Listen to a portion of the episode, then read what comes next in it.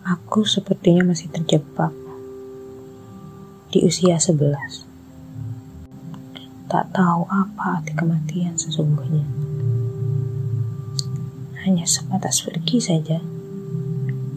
Tak tahunya pergi yang tak pernah kembali lagi. Beranjak 15, aku iri lihat mereka tersenyum lengkap. Bercanda.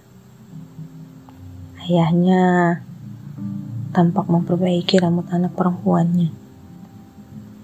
Ibu yang nampak menyeka bibir anak laki-laki yang berperapatan es krim.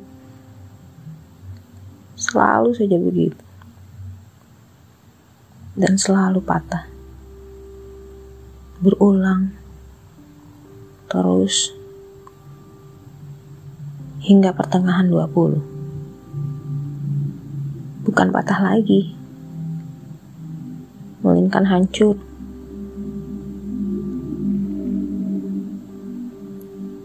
Bukan terbagi lagi, tapi jauh berkeping-keping. Tak bisa diperbaiki, tak bisa seperti semula. Sekedar mimpi pun tak menyapa. Memang benar, rindu diciptakan agar kita menghargai pertemuan. Tapi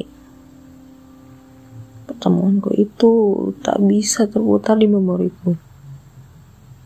Hanya beberapa bagian dari separuh hidupku.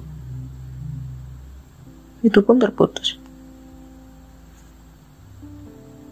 I can't remember anything. Pesan terakhir. Satu frame terakhir. Wajah terakhir. Aku tak memilikinya. Aku menjadi takut. Kehilangan adalah trauma terbesar di hidup.